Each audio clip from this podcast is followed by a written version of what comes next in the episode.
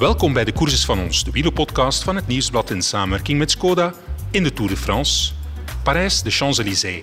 Het eindpunt van 3328 kilometer fietsen, klimmen, dalen, sprinten, zweten, afzien, genieten, vieren, vallen en weer opstaan. Jasper Philipsen plaatste op de legendarische Parijse klinkertjes het orgelpunt van zijn Tour. Van een Tour die Belgisch was met zes ritzeges. Met de groene trui van Wout van Aert en de gele trui voor een ploeg met drie Belgen in de rangen. Het was ook de Tour van Jumbo-Visma en van Jonas Vingegaard, de Tour van Denemarken.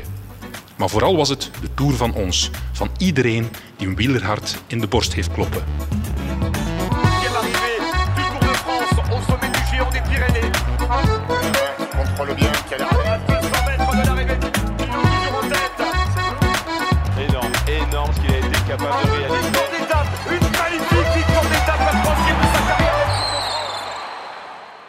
De Tour van 2022 begon en eindigde met een Belgische ritzege. Hoeveel mooier kan het zijn?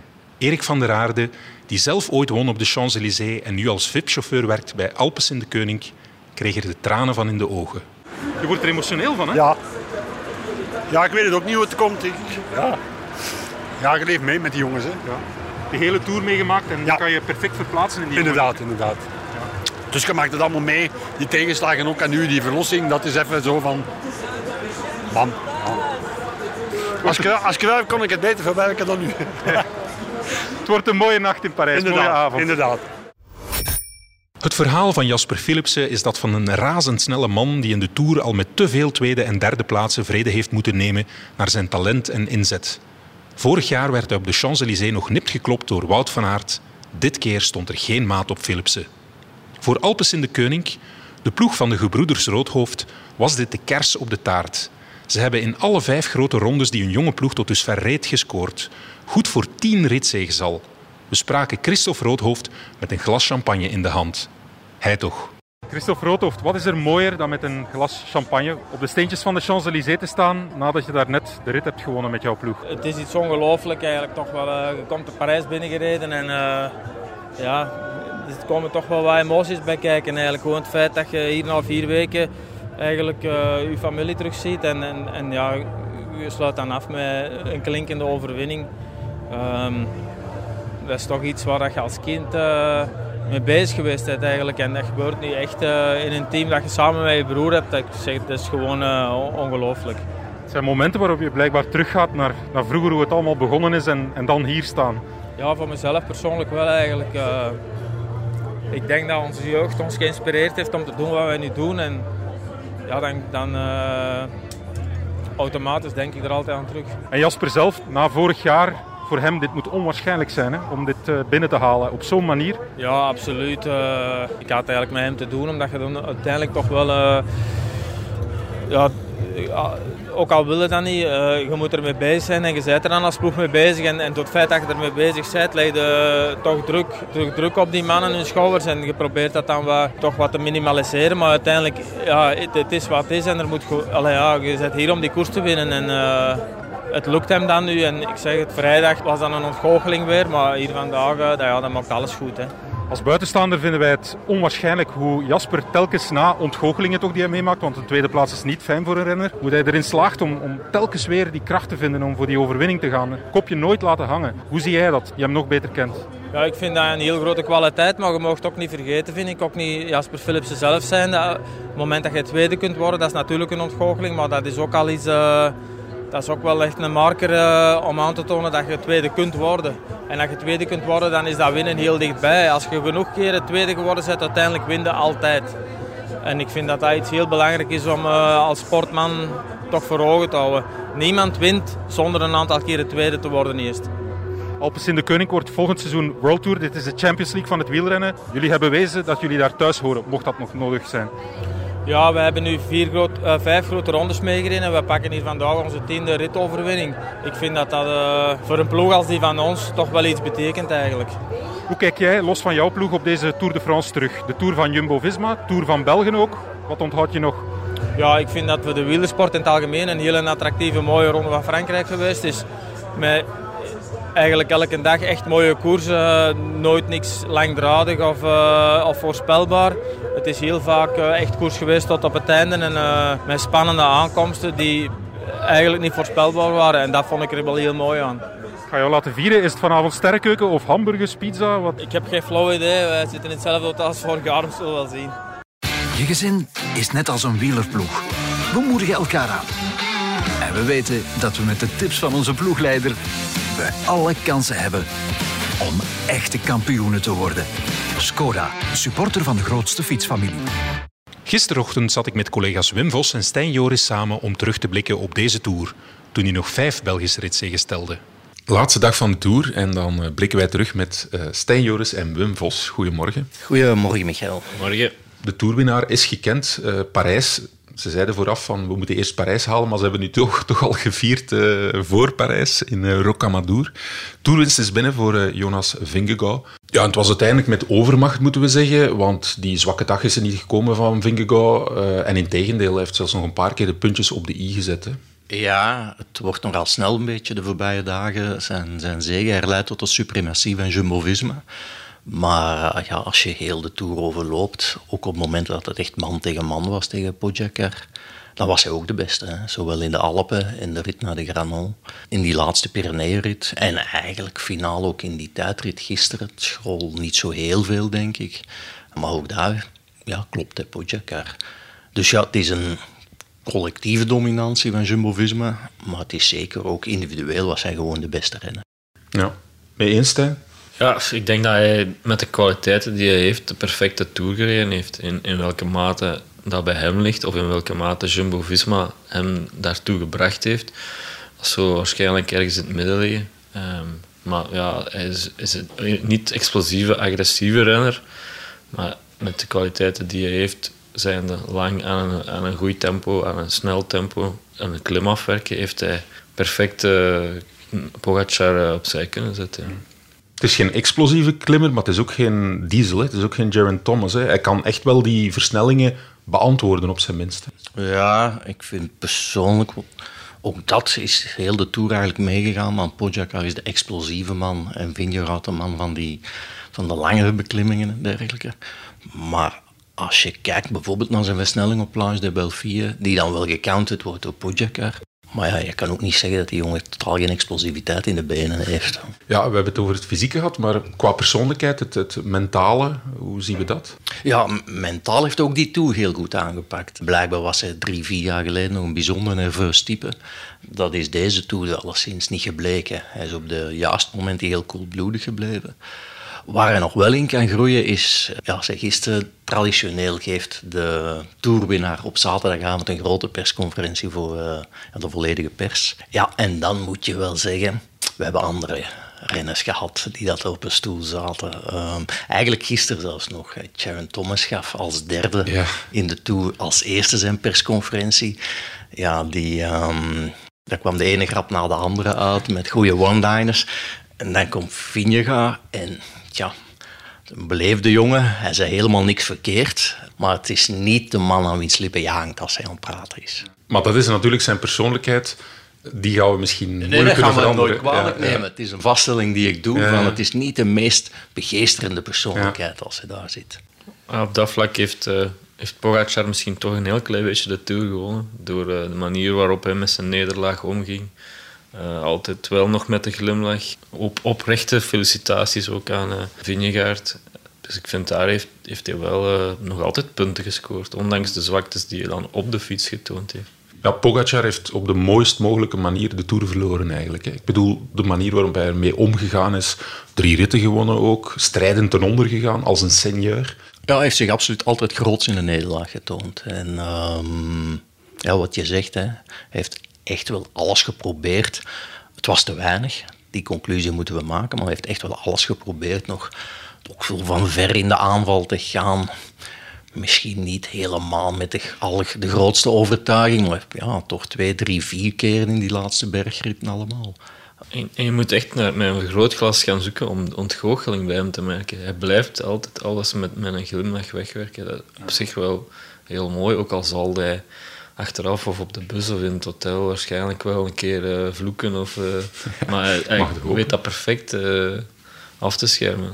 Ja, terwijl het toch echt wel redenen had waarom het ook niet liep zoals het moest Ja. lopen. Hij heeft met zijn ploeg al die COVID-gevallen, ehm, al tegenslag met zijn ploeg voor de Tour, met Trentin die uitviel. Dus hij had echt wel wat redenen of excuses om zich achterweg te steken. Hij heeft die ook wel af en toe benoemd, die redenen, maar nooit op een manier ja, dat het meelijwekkend werd. Ehm, nee, hij heeft daar knap mee omgegaan. Stijn, ik vond dat ja, een van de tekenende anekdotes over eh, Pogacar, eh, Col du Granon. Je stond bij de bus van UAE en eh, ja, dan heb je daar eigenlijk in een onbewaakt moment gezien dat het toch wel oprecht is hoe Pogacar op een, op een, op een normale, authentieke manier met die nederlaag omgaat. Hè. Je hebt hem dan zien de berg afkomen, geloof ik. Je had daar een anekdote. Ja, toen kwam hij eh, samen met zijn vriendin Oerska eh, naar de bus toe gereden. En die reden rustig langs elkaar alsof ze naar de bakker fietsen waren, een beetje keuvelend. Hij stapte dan af aan de bus en eh, nadat hij al interviews in de mixed zone al gegeven had, maakte hij daar ook nog heel even tijd. Zei het in drie zinnen voor, voor de pers die daar nog verzameld was. En op dat moment eh, neemt Giannetti hem ook vast en, en denk ik troostende woorden. En je ziet hem zo verontschuldigend kijken naar Giannetti en zeggen van ik had beter moeten doen. Dat was wat ik kon aflezen uit zijn lichaamstaal. Dus ja, het echt, het ik denk echt dat het een hele gewone, eh, ideale schoonzoonachtig eh kerel is, die Pogacar. Want op dat moment, als hij dan die Granon afdaalt en met zijn vriendin Oerska eh, aan het fietsen is, als een jongetje met zijn meisje, ja, daar staan geen camera's op. Hij zegt, als, hij, als hij al een pose zou aannemen, dan zou je dat op dat moment niet doen. Dus het, het is echt oprecht dat hij daar op een, op een, op een heel goede manier mee omgaat. En, eh, Ja, ik heb hem nu een, een beetje in de gaten kunnen houden van, van in het voorjaar, als hij dwars door Vlaanderen en de Ronde van Vlaanderen tot Mhm. nu eh, gereden heeft. En dat is op geen enkel moment dat die kerel uit de toon valt. Eh, doodnormaal. Ik herinner me de persconferentie voor dwars door Vlaanderen ook, waarin hij gewoon met zijn gsm'tje niet het nieuwste model van iPhone, maar nog een verouderd toestel eh, uit de lift komt en, en met iedereen uh, goeiedag zegt, eh, alsof hij gewoon eh 16-jarig kereltje is die al blij is dat hij mag fietsen bij UAE Emirates. Zeg, we hadden vanmorgen bij ons budgetontbijt al een beetje een discussie over het feit van... Ja, Pogacar heeft zelf gezegd van... Ja, ik ga deze Tour moeten evalueren. We gaan misschien de zaken anders moeten aanpakken. En anders, ja, ik denk dat hij dan naar zijn concurrent kijkt, Jonas Vingegaard, die toch al veel vroeger alles in het teken van die Tour heeft uh, gezet. Hè. Gaan we dat ook zien bij Pogacar? Ik ben er een beetje bang voor. Ja? In, in de zin van, als die analyse, en misschien is dat de juiste analyse, dat weet ik niet, maar dat hij te veel gekoest heeft in het voorjaar. Uh, van UAE, al gaan voor winst, dan in de Ronde van Vlaanderen komen rijden en zo verder. Maar het zou jammer zijn mocht dat het resultaat zijn van deze Tour. Dat hij dat allemaal niet meer gaat doen. En dat we een beetje in een Armstrong-scenario vervallen, waarin toppers alleen nog goed zijn in de maand juli, bij wijze van spreken. Nog een beetje in de maand juni ook. En dat het dat is. De charme van Pogacar is net altijd geweest dat hij ja, overal en altijd koest. En overal en altijd koest om te winnen. Letterlijk van UAE-tour, een voorjaar, een tour, tot en met Lombardije vorig jaar, waar hij op grandioze wijze won. Ja, als de conclusie nu gaat zijn van dat kan allemaal niet meer, dan is uh, niet alleen Pogacar, maar vooral de sport zelf, denk ik, een beetje de verliezer van deze Tour. Ja, Stijn, jij drukte de, de hoop van de wielerromanticus Wim Vos al uh, vanmorgen de kop in. Jij denkt dat het toch wel die richting zal uitgaan, hè? Pff, dat kan alleen maar maar als je van eind februari, en hij gaat er straks de Vuelta ook nog eens aan vastplakken, uh, om, om dat een heel jaar door te trekken, het topniveau waarmee hij rondkoerst, dat lijkt mij een utopie. Ook als je ziet die ontsnapping ook in de Strade Bianchi, waar hij op 50 kilometer, hij koerst niet zuinig, hij maakt het niet af in, in de laatste 500 meter. Hij, hij maakt er echt een show van. Uh, in, in, hij neemt heel de finale voor zijn rekening in die wedstrijd, net als in de Ronde van Vlaanderen die twee dingen zijn misschien niet met elkaar te verzoenen, vrees ik. Uh, heel veel koersen en dan ook nog eens heel dominant willen koersen. Een val waar uh, analisten en journalisten op zo'n moment dan met open ogen telkens weer intrappen is. Er is een nieuwe toerwinnaar, hij is dominant. Nu zijn we vertrokken voor jaren. Jonas Vingegaard gaat de komende jaren de Tour winnen. Eh, dan is meestal de vraag, hoeveel keer gaat hij winnen? We zeiden dat met Pogacar, we zeiden dat met Bernal bijvoorbeeld, die op, voorlopig op één is blijven steken. Door ook extra sportieve redenen, hè, die valpartij nu. Maar eh, bon, gaan wij met ogen open in die val trappen? Of zeggen wij van, ja, toch, toch maar eens bekijken? Want Hij kreeg gisteren al meteen de vraag van, ja, ga je nu voor vijf, vijf keer toerwinst? niet, Voilà, kwam ja. niet van mij, voor alle duidelijkheid. En eh zelf zeiden we, ja, laten we misschien volgend jaar eens terugkomen en dan opnieuw proberen te winnen. Ja. Maar het is wel wat je zegt. Ik was erbij toen Bernal de Tour won in 2019. Ja, elke analyse toen was, ik denk dat Bernal was 22? 22, 21, 22, iets Ja, in die ja. buurt. En elke analyse was toen van, ja, dit is iemand eh, die gaan we tien jaar lang de Tour zien, zien winnen, bij wijze van spreken. Ik denk dat er letterlijk al conclusies gemaakt werden van deze man kan meer dan vijf keer de Tour winnen. En, dergelijke. en als je dan kijkt, het jaar later stond er al een nieuwe naam. Ja. Wat dat we het opnieuw van gezegd hebben, van Ja, eh, dit is iemand die ehm, ja, heel, heel vaak de Tour gaat winnen. En dan, ja, nu zijn we wel bij een derde naam in vier jaar eigenlijk, eh, die ook nog maar 25 is. Nu, ik denk wel dat we nog wel een aantal jaren minstens een duel tussen de twee gaan krijgen. Misschien dat er dan een nieuwe derde naam bij komt. Remco Evenepoel, toch? Die laat ik voor jou rekening, Michael. Maar dat we een duel gaan krijgen tussen de twee, nog wel een aantal jaar, dat lijkt me nu wel eh, te verwachten. Voorzichtig loop je toch weer met ogen open in een eh, voorspelling. Misschien wel, misschien Het wel. zal mooi zijn in elk geval, hè, dat duel. Want die twee persoonlijkheden, op hun manier, ze zijn verschillend. Ja, en ze tonen er alle twee bovenuit. Want dat is toch het mooiste als we, als we echt een duel zien hè, voor de toerwinst. Ja, ik denk dat, dat bij Pogacar nog veel winst te boeken valt op basis van tactiek en, en het team. Eh, als je dat ziet hoe Jumbo-Visma dat in deze Tour heeft aangepakt, die liet er niets aan toeval over. Dat kunnen we niet van UAE zeggen, vind ik. En eh, daar ligt zeker nog marge. En als, als, als dat een beetje weggegomd kan worden, dan gaan we echt nog spannender Tour krijgen dan dit, denk ik. We zitten voor jaren gebeiteld. En laten we hopen dat we op een ander vlak ook voor jaren gebeiteld zitten. Want we mogen niet vergeten, dit is een fantastische tour geweest. Als op jouw paspoort de nationaliteit Belg staat. Hè. En toevallig is dat bij ons het geval. Eh, vijf ritzeges. Met drie verschillende renners ook. Lampaard, Philipsen en Van Aert. Een zeer jonge Philipsen, best nog wel. Dus die gaan we nog wel een aantal jaren tegenkomen. Groene trui, dan ook nog met Van Hooijdonk en Benoot. Twee renners, Belgen, die in de ploeg van de gele trui zitten. Of van de toerwinnaar zitten. Die, daar, die daaraan bijgedragen hebben. Ja. Ook iets wat we sinds 1989 en Le Monde eh, niet meer hebben meegemaakt. Dus ja, dat zijn eigenlijk allemaal wel eh, Belgische successen. Ja, en dan moet er Remco Evenepoel nog komen. Maar dat is voor mijn rekening. nee, eh, het, is, het is genieten geweest hè, voor ons Belgen. Ja, pff, we zijn het al misschien allemaal een beetje vergeten, maar die, die overwinning van Yves Lampaard, allee, het blijft ook nog altijd een van de momenten van, van deze Tour. eh, en vooral de manier waarop hij daar dan mee omging. eh, de pure West-Vlaamse emoties die eh, de- heel de wereld rondgingen.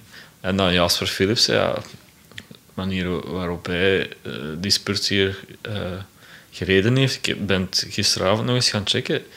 Ik denk dat als hij echt heeft kunnen spurten, dat hij ook altijd in de, in de top 5 was en meestal zelfs in de top 3. Ehm, dus allee, over de breedte, in de breedte is hij, of in de breedte, algemeen is hij misschien de, de beste spurter in deze tour. Wel, eh. Vijf, vijf dagen gele trui ook. Hè. Iets, eh, ik herinner me, zo lang is dat niet geleden. Als Van Avermaat is een kleine week in het geel reed in de Tour, dan vonden we dat allemaal geweldig en fantastisch. En dat, dat was het ook. Dat jaar won Van Avermaat zelfs geen rit. De, de tweede keer dat hij de gele trui toen pakte. En nu is dat iets, ja... Dat zat al niet in onze opsomming van Belgische successen.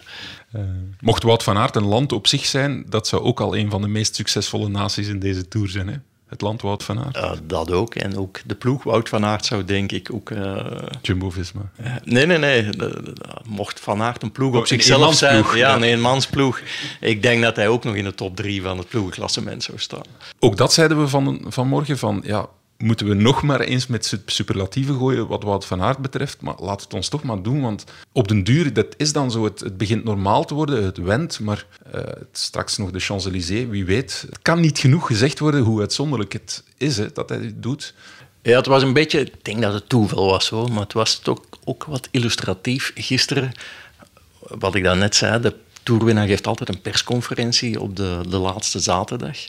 Ehm, eerst kwam het nummer drie, Thomas, dan kwam het nummer twee, Pogacar, dan kwam Vingegaard, de toerwinnaar. En dan helemaal op het einde mocht Van Aert als ritwinnaar ook nog zijn persconferentie geven. Maar er was zo wat geroezemoes in de, ehm, ja, in de perszaal dat de hiërarchie niet gerespecteerd werd. Tot iemand zei, nee, nee, nee, de beste renner van de Tour geeft gewoon laatst zijn persconferentie zoals het altijd is. En ja, dat was eigenlijk een mooie, mooie manier om te illustreren welke impact hij hier gehad heeft. Ja, door sommigen wordt hij werkelijk zo gepercipieerd van op alle terreinen is hij wel de beste van deze Tour. Hij is niet de Tourwinnaar, maar in die zin, als je het zo bekijkt, is hij misschien wel de man van deze Tour. Uiteraard de meest veelzijdige renner van allemaal. hè. Ja, die superstrijd dus krijg je, is misschien een nevenprijsje, maar ja, dat, dat toont wel aan hoe, hoe, hard hij deze Tour gekleurd heeft. Hij, hij heeft niet alleen in de vlakke ritten of niet alleen in de heuvelachtige ritten. Uiteindelijk heeft hem op Hotakam mee de Tour beslist voor Vingegaard door daar Pogacar uit wiel te rijden. Die combinatie, om dan ook nog eens een tijdrit eh, te winnen, ja, dat, dat is uitzonderlijk. Er valt niks anders over te zeggen, denk ik. Zag er eens op social media een foto waarbij de radiocommunicatie van Van Aert al rijdend hersteld werd, of, of nieuwe batterij, of ik weet niet wat. En dan stond er als eh, commentaar bij van de batterijen van Wout van Aert worden vervangen. Maar zo is het bijna. Hè. Het, is, eh, het lijkt wel een Duracell-konijn. Ja, hij is onvermoeibaar. Hè. Het was een beetje eh, mooi om horen. Gisteren was hij emotioneel na zijn Ja, ja, ritzegen. En ik las ergens een quote van hem dat hij zei van ja, maar ik ben moe. En dan als ik moe ben, dan word ik wat sneller emotioneel. Het was een beetje hoopgevend om te horen dat hij tenminste toch ook nog moe kan worden. hè. Maar ik sprak gisteren Tige Benoot en blijkbaar een van de sterktes, dus naast zijn ongelooflijke wattages die hij trapt, is het recuperatievermogen van Wout van Aert. Ik denk dat we dat ook wel al gezien hebben in deze Tour, dat hij het dag na dag na dag kan doen. En zei van, ja, voor mij is hij het, het, het sterkst eigenlijk in de, de derde week. Ik stelde hem zelf die vraag. Maar uiteraard is hij niet sterker geworden. hè. Elke renner verzwakt een beetje in de derde week, maar hij gaat toch minder kapot dan al de rest. En relatief gezien eh, ja, is hij sterker dan het toerpeloton. Mochten we er nog een week aanplakken, ik denk dat hij nog een paar ritzeges eh, zou boeken. Dus dat recuperatievermogen van hem is, is, is immens. hè. En eh, het is dan inderdaad hoopgevend om te horen dat hij af en toe nog moe wordt. ja. Hij redt volgende week de San Sebastian Classic. Ja. Dus ja, dat is zijn vierde week dan. We zullen zien eh, We of zien. tot daar Maar dan is het wel tegen frisse renners. Hè. Dat is een Dat heel waar. ander onderwerp. Ja, tegen Evenepoel onder andere. Ja, voilà, ja. Ja, en dan die persconferentie. Goh, we gaan het vermelden, maar ik wil er ook niet te veel tijd aan besteden. Maar het was toch zo'n een klein, tja, jammer momentje. Er werd hem de vraag gesteld eh, naar van, ja, mogen wij dit allemaal vertrouwen wat jullie doen? Of, of geef ons de garantie dat. En ja, dan wou hij die vraag niet beantwoorden. Het was een shit question. En eigenlijk pas na aandringen van die journalist heeft hij ze wel beantwoord. Anders had hij ze onbeantwoord gelaten. En het feit dat hij zo reageerde, heeft het eigenlijk groter gemaakt dan het moest. En ik vond het een beetje jammer.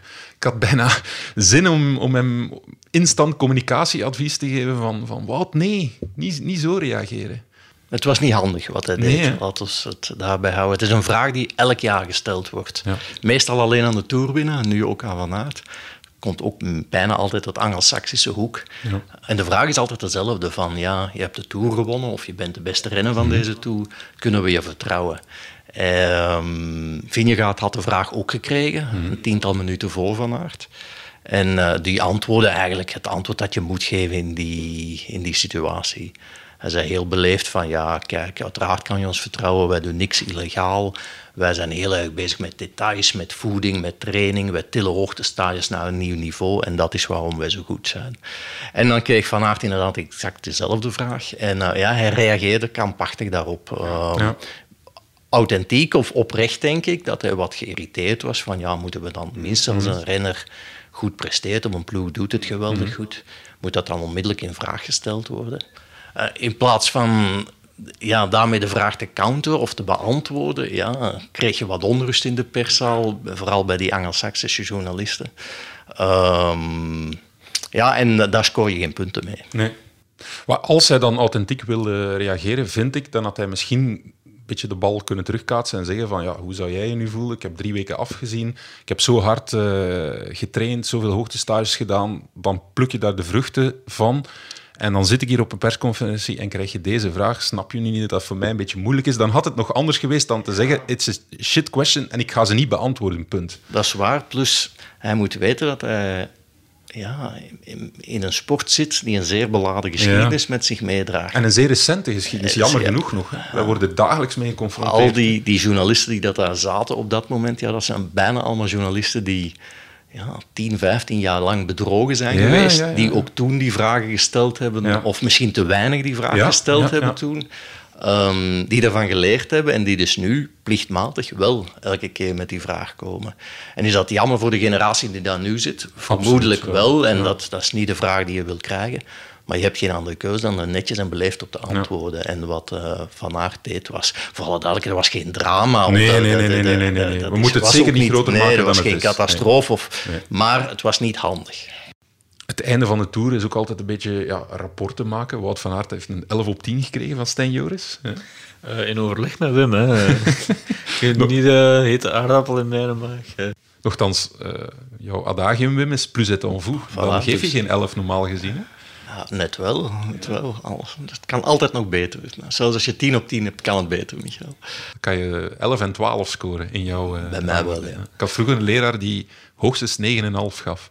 Zelfs als je al zijn vragen correct beantwoordde, zei je had je, je antwoord beter kunnen eh, formuleren. Ja. krijg je bij renners voortdurend de bemerking dat ik te streng en te kritisch ben. Ja, ja. Zo zie je dat ik ook gul kan zijn.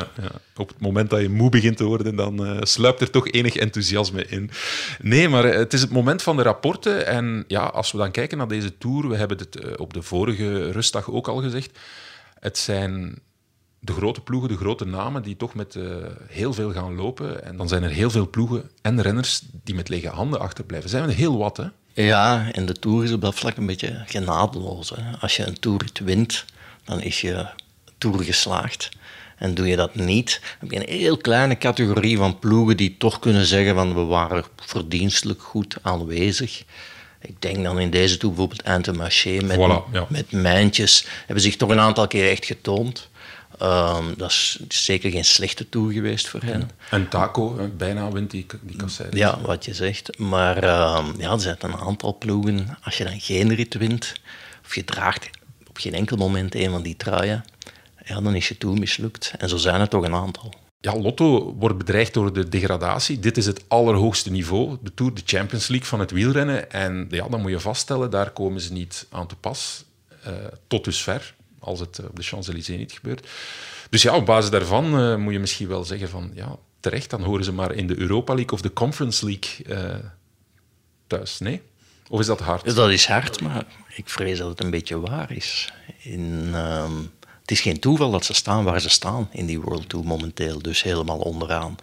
En die resultaten hier in deze Tour, ja, die sluiten daar een beetje bij aan. Hè. Ehm, als Ewan over minder dan 12 uur, denk ik, die rit niet wint, ja, dan ja, hebben ze een heel, heel, heel magere, heel magere Tour achter de rug. Ze hebben niet alleen niet gewonnen, maar ook te weinig meegespeeld eigenlijk. Hè? Ze hebben eigenlijk nooit een hand uitgestoken naar, eh naar ritzegen. Een beetje Juwen in die eerste twee sprinten in Denemarken. Dat was ook zelfs nog nauwelijks meer dan een vinger. Ik zou het geen hand durven noemen. Die, ze die hij uitstak naar die zegen. Ehm, ook geen enkele ereplaats, denk ik zo. Ehm, als je dan kijkt, afgelopen vrijdag in Cahors wordt iemand als, dan, als Dainese derde. Ja, dat is een prestatie die geen enkele renner van Lotto Soudal in deze Tour heeft neergezet. Dat is toch allemaal een beetje bedenkelijk. Ze gaven het gisteren zelf ook toe. Eh, ik heb even met Brent van Moer en eh, Florian Vermeers gesproken. Eh, Vermeers gaf ook zelf toe dat hij gehoopt had om meer in de ontsnappingen te zitten. En Van Moer eh, exact hetzelfde. Hij zei bijvoorbeeld dat hij die rit in Arenberg echt had aangekruist en daar alles zou doen om mee te zijn. Maar hij gaf aan dat het in deze Tour zelfs niet makkelijk was voor hen om in een ontsnapping te geraken. Dat is natuurlijk wel een pijnlijke vaststelling. eh, Als, als, als dat al moeilijk, eh, een moeilijk als daar de moeilijkheidsgraad al te hoog is voor Lotto, dan, dan zitten ze wel met een probleem natuurlijk. Ja, en dan heb je zo die, die vreemde gevallen, eh Quickstep Alpha Vinyl, die, die onwaarschijnlijk straf beginnen en dan een kaars die uitdooft. Vreemd, hè? Je moet altijd zeggen, ja, een tour is ergens geslaagd, want ze hebben gele trui en een ritzegen, maar het is wel een kaars die, die, die uitgedoofd is en heel lange tijd niet meer gestraald heeft. Hè? Ja, maar dat is natuurlijk wel omdat we over het eerste weekend spreken, wat eh, ondertussen al heel ver achter in ons geheugen ligt. Ehm, maar die Tour is uiteraard wel geslaagd. Hè. Je wint twee ritten, je, je, met, met Lampaard draag je een dag het geel. Jacobsen met heel het verhaal rond van twee jaar geleden, die val in Polen en dergelijke. En na dat eerste weekend maakten we analyses over een historisch goede toerstart eh, voor eh, Quickstep. Maar dat is net het genadeloos of het rare aan een tour. Is inderdaad, je wint die ene rit, je pakt die trui en dan is dat allemaal geslaagd. Want als je dan inderdaad, wat nadien gevolgd is voor Quickstep, was bijna een beetje het niveau van Lotto Soudal. Hè. Ehm, ik denk dat ze met Sénéchal nog wel eens een derde plaats hebben gespurt in Carcassonne. Ehm, maar voor de rest weinig mee in de aanvallen of, of weinig zichtbaar in al die ontsnappingen. Ehm, met Jacobsen zeer verdienstelijk hoe ze hem over de bergen hebben gekregen. Maar het is ook maar dat natuurlijk. Ja, ik denk wel dat ze met Jacobsen stiekem toch wel, als ze in zichzelf die analyse gaan maken, op meer dan één rit gerekend hadden. En daarnaast hadden ze ook wel iets verwacht, denk ik, van de Italianen. Cataneo was hier vorig jaar elfde. Eh, die, heeft, die heeft niks eh, eigenlijk laten zien. Ik geloof dat Yves eh, Lampaard gisteren tegen mij ook iets zei. De luisteraars moeten die podcast maar opnieuw beluisteren over Cataneo, dat hij ook wel wat fysiek wat last gehad had enzovoort. Ja, hetzelfde bij Bajoli, die is het toch ook wel... Maar die heeft dan ook eh, ziek geweest? Of... Ja, ja, er zitten wel wat bezonjes op, op fysiek vlak. Ja, Dus ze zijn ook wel een beetje slachtoffer geweest van het parcours van deze Tour. Hè. ja absoluut. We gaan met twee massasprinten gehad, dat is historisch weinig. Geen enkele echte massasprint in, ehm, in Frankrijk. Of je moet al die sprint in Carcassonne rekenen, maar dat was al toch een uitgedunde groep. Terwijl de ploeg van Quickstep echt wel ja, gebouwd was voor rond Jacobsen. In de hoop dat er links of rechts nog wel eens een massasprint zou zijn. Ehm, in de hoop ook dat, de Tour over het algemeen iets minder zwaar zou uitvallen. Waardoor Jacobsen iets frisser in die laatste week zou zijn. Uh, maar dat is allemaal niet, niet uitgekomen. Het was een zeer snelle, zeer zware Tour. En ja, als dan je sprinter eigenlijk heel snel vaak moet lossen of in de problemen komt, ja, dan krijg je het moeilijk. Goed, zeer bedankt. Het was heel fijn om jullie uh, vier weken lang uh, op reis te zijn. We hebben het eigenlijk wel goed gedaan hè, met, ons, uh, met ons drie. Geen conflicten in de groep. En, ja. Ik weet niet hoeveel punten... De, misschien moeten we aan de renners vragen hoeveel punten wij krijgen voor onze verslag. Ook, ook hier geldt, er is nog één rit, jongens. ja, we kunnen vanavond nog de puntjes op de i zetten. We gaan dat doen. Goed, zeer bedankt Wim Vos. Ah, jij bedankt, Michael, ook voor de voorbije drie, vier weken. Stijn Joris. Graag gedaan. Toen we rond half vier met onze laatste krachten in Parijs arriveerden, kwamen we daar een frisse collega tegen. Voor Wim, Stijn en ikzelf was het onze 27e toerdag, voor Werner Bourlet zijn allereerste. Hij volgt voor het nieuwsblad de Tour de France Femmes. Na de aankomst van de eerste etappe zat ik met hem samen op de rooftop van de perszaal.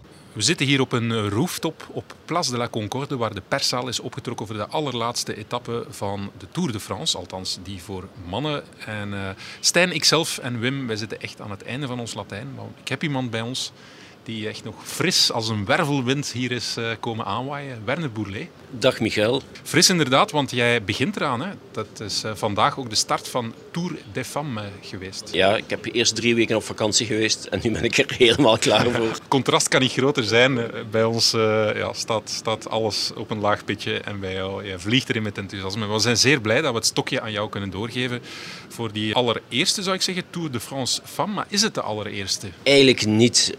Er zijn vroeger al edities georganiseerd. In 1984 was er al een Tour Féminin. Dat was allemaal maar met bescheiden deelnemster op dezelfde dag als de mannen. Een beetje een, een voorgerecht eigenlijk. Uh, daarna is er, zijn er nog wel van die grote ronden geweest. Onder andere in 1993 heette dat de Ronde van de Europese Gemeenschap. Oké. Okay. Ja, dat was, Heel weinig te dat was de, de, eigenlijk de laatste grote ronde die georganiseerd is door ASO. Die is trouwens toen gewonnen door Heidi van de Vijver. Aha, die nu ploeg, hier ploegleider is bij Plantour uh, Pura. En daarna was er ook een uh, Tour Féminin. Ja. Maar dat had niks met ASO te maken. Maar Dat was ook met Leontien van Moorsel en dergelijke. Dat, dat, waren wel goede, eh, goede wedstrijden. Maar die zijn er dan na een tijdje mee gestopt. En eindelijk, zou ik zeggen, is er nu een volwaardige ro- ronde van Frankrijk voor de vrouwen. Want tot dusver was het vooral de Giro, Giro Donne, De Giro Donne, die eigenlijk de grote ronde was. de grote ronde was. Eh, maar nu met de Tour erbij, zeker met alle media-aandacht, eh, live op tv in 190 landen. Je merkt dat er heel veel aandacht zal zijn en dat de vrouwen daar ook een beetje klaar voor zijn en dat ze zich echt willen tonen. Dus we zijn toch benieuwd wat dit Ja. allemaal ga- gaat geven. En een week lang ook met een live reporter van het Nieuwsblad. eh. Ja. Voilà. Goed, eh, we hebben de eerste etappe achter de rug, op de Champs-Élysées ook. En dat is net als bij de mannen een eh, sprint. Vertel eens, hoe is die gelopen? De verwachte winnares, Lorena Wiebes, de Nederlandse, die had al 15 keer gewonnen dit seizoen. En vandaag is ze daar nummer 16 aan toegevoegd. Ze is de snelste vrouw ter wereld. Dus is het logisch dat zij heeft gewonnen. Voor Marianne Vos en Lotte Kopecky werd derde. En niet onbelangrijk, Lotte Kopecky heeft ook deelgenomen aan de twee tussensprinten voor de groene trui. Eh, in de eerste tussensprint was ze vierde, de tweede heeft ze gewonnen. Met die derde plaats erbij in de eindsprint staat ze nu al op de tweede plaats na Lorena Wiebes. Maar omdat Lorena Wiebes de gele trui draagt, zal eh, Lotte Kopecky in de tweede rit de groene trui dragen. Zoals Wout van Aert. Ik wou net zeggen, jij neemt het stokje van ons over en Lotte Kopecky neemt het stokje van Wout van Aert over. Ze heeft ook zo'n beetje hetzelfde doel als Wout van Aert. Ze wil de groene trui pakken op het, eh, op het einde van de Tour. Tussendoor wil ze ook wel eens die gele trui dragen. Oké, ambitieus. En uiteraard wil ze ritten winnen. En ze wil ook de eindzege in de ploeg met. Demi Vollering. Dat is dus zoals, zoals Wout van Aert dat wou met eh, Jonas Vingegaard. Het zal denk ik iets moeilijker worden, maar eh, het, is, het is zeker eh, allemaal mogelijk. Groots dromen, daar is niets verkeerd mee, uiteraard. Ja, vertel eens, Werner, wat staat er de komende week op het menu? We hebben al één rit gehad. Er zijn er nog zeven, dus in totaal zijn er acht ritten. Er is een beetje van alles. Het is een zeer eh, een cocktail van, van alle sprintetappes. Er zijn punchers-etappes. Er is zelfs, de vierde rit is over grindwegen tussen de champagnevelden. Ook dat Eh, dus eh, een soort Strade Bianche. En de, in het slotweekend zijn er de twee bergetappes met als apotheose de aankomst op eh, La Super Planche de Belleville. Dan komen de meisjes aan op La Super Planche de Belleville als apotheose. Dat is wel mooi, denk ik, speciaal gekozen. Maar het zal toch een, eh, ja, een spektakel opleveren, denk ik. Dit is te zien op televisie en daardoor zal hij de, Giro Donne naar de kroon steken. Ik denk dat wel. Eh, natuurlijk, alle krediet voor de Giro Donne. Ook de rensters zeggen dit, dit is eigenlijk nog altijd de mooiste ronde. Maar dit is de Tour. En de Tour in de zomer met heel veel aandacht. Op, live op televisie, op eh, de Franse tv doet er, gaat er enorm veel in investeren. Het wordt overgenomen op heel veel zenders, onder andere op, eh, op Sporza. Eh, ook RTBF zelfs, ook in Wallonië beginnen ze een beetje wakker te worden. eh. Oké. Dus het gaat heel veel aandacht zijn en de rensters zijn ook heel benieuwd wat dit gaat geven. En ook een beetje nerveus, want ze voelen toch wel de druk. Het moet goed zijn. Annemiek van Vleuten, ik heb gisteren met Annemiek van Vleuten gesproken en ze zei dat toch ook. Voor mij maakt dat niet veel uit, ik ben druk gewoon, maar je voelt toch ook aan veel van die meisjes, ja, het, het mag toch niet fout gaan, er mag niks gebeuren. Ze willen echt wel presteren en, en tonen dat ze dit ook allemaal kunnen en eh, ja, dat ze dit verdienen. Daar komt het op neer. Ja. Je hebt ze genoemd van Vleuten. Is zij de topfavoriete of wie, wie zit het- er allemaal in de mix voor de eindwinst? Ik denk dat wie Annemiek van Vleuten klopt, dan ook de eindwinnares zal zijn. Ja. Maar voor mij is ze de topfavoriete. Ze heeft de Giro Donne gewonnen. Is daarna een beetje gaan rusten, zei ze dat, op, eh, op stage. Maar ze heeft getraind met eh Elevino, waar ze heeft getraind met eh, Tom Dumoulin en dergelijke. Oké, Dus rusten. Ja. rusten. Maar ja, we ken, zo kennen we ze. En eh Demi Vollering wil haar uitdaagster zijn. Dat is de ploeggenote van Lotte Kopecky bij SD Works. Maar ik denk dat zij toch iets te kort zal komen Ja. tegen Van Vleuten. Maar wie weet, ook een, er is een jonge Italiaanse, Marta Cavalli. Die tweede was in, in de Giro en die eh, onder andere de Waalse Pijl heeft gewonnen en de Amstel Race. Die kan misschien wel, wel verrassen. En pas op, in die vierde rit, eh, daar kan heel veel tijd worden verloren in de Strade Bianchi-etappe. Mhm. Op een slecht moment pech. Jonas Vingegaard heeft het ook meegemaakt. Kan eventueel fataal zijn. Al heeft Jonas Vingegaard het natuurlijk wel rechtgezet. En ik denk dat zelfs dan Annemiek van Vleuten nog kan rechtzetten in de twee bergetappes. Oké, nee, we kijken er naar uit. Uh, elke dag uh, te lezen, ook uh, bij, in het nieuwsblad, in de krant en op sportwereld.be, dankzij Werner Boulet. We gaan het zeker volgen. Werner, veel succes. En ja, we spreken elkaar binnen een week hoe het energieniveau dan zal zijn. Ja, ik zit, ik zit, nu nog vol energie, maar ik weet niet hoe het volgende week dat zal zijn. In elk geval, heel Het zal wel lukken, denk ik. Het ja, zal wel lukken. Heel veel succes, Werner.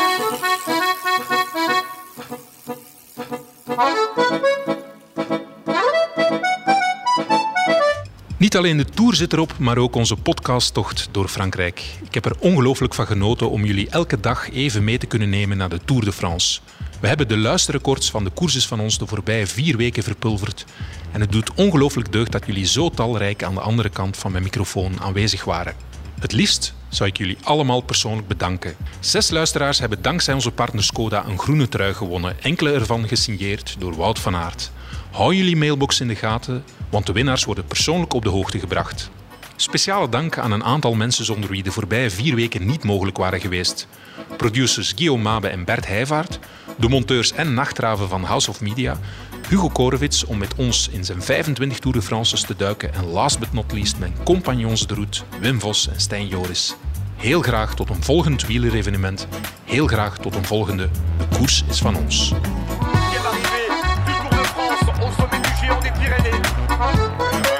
pour le bien a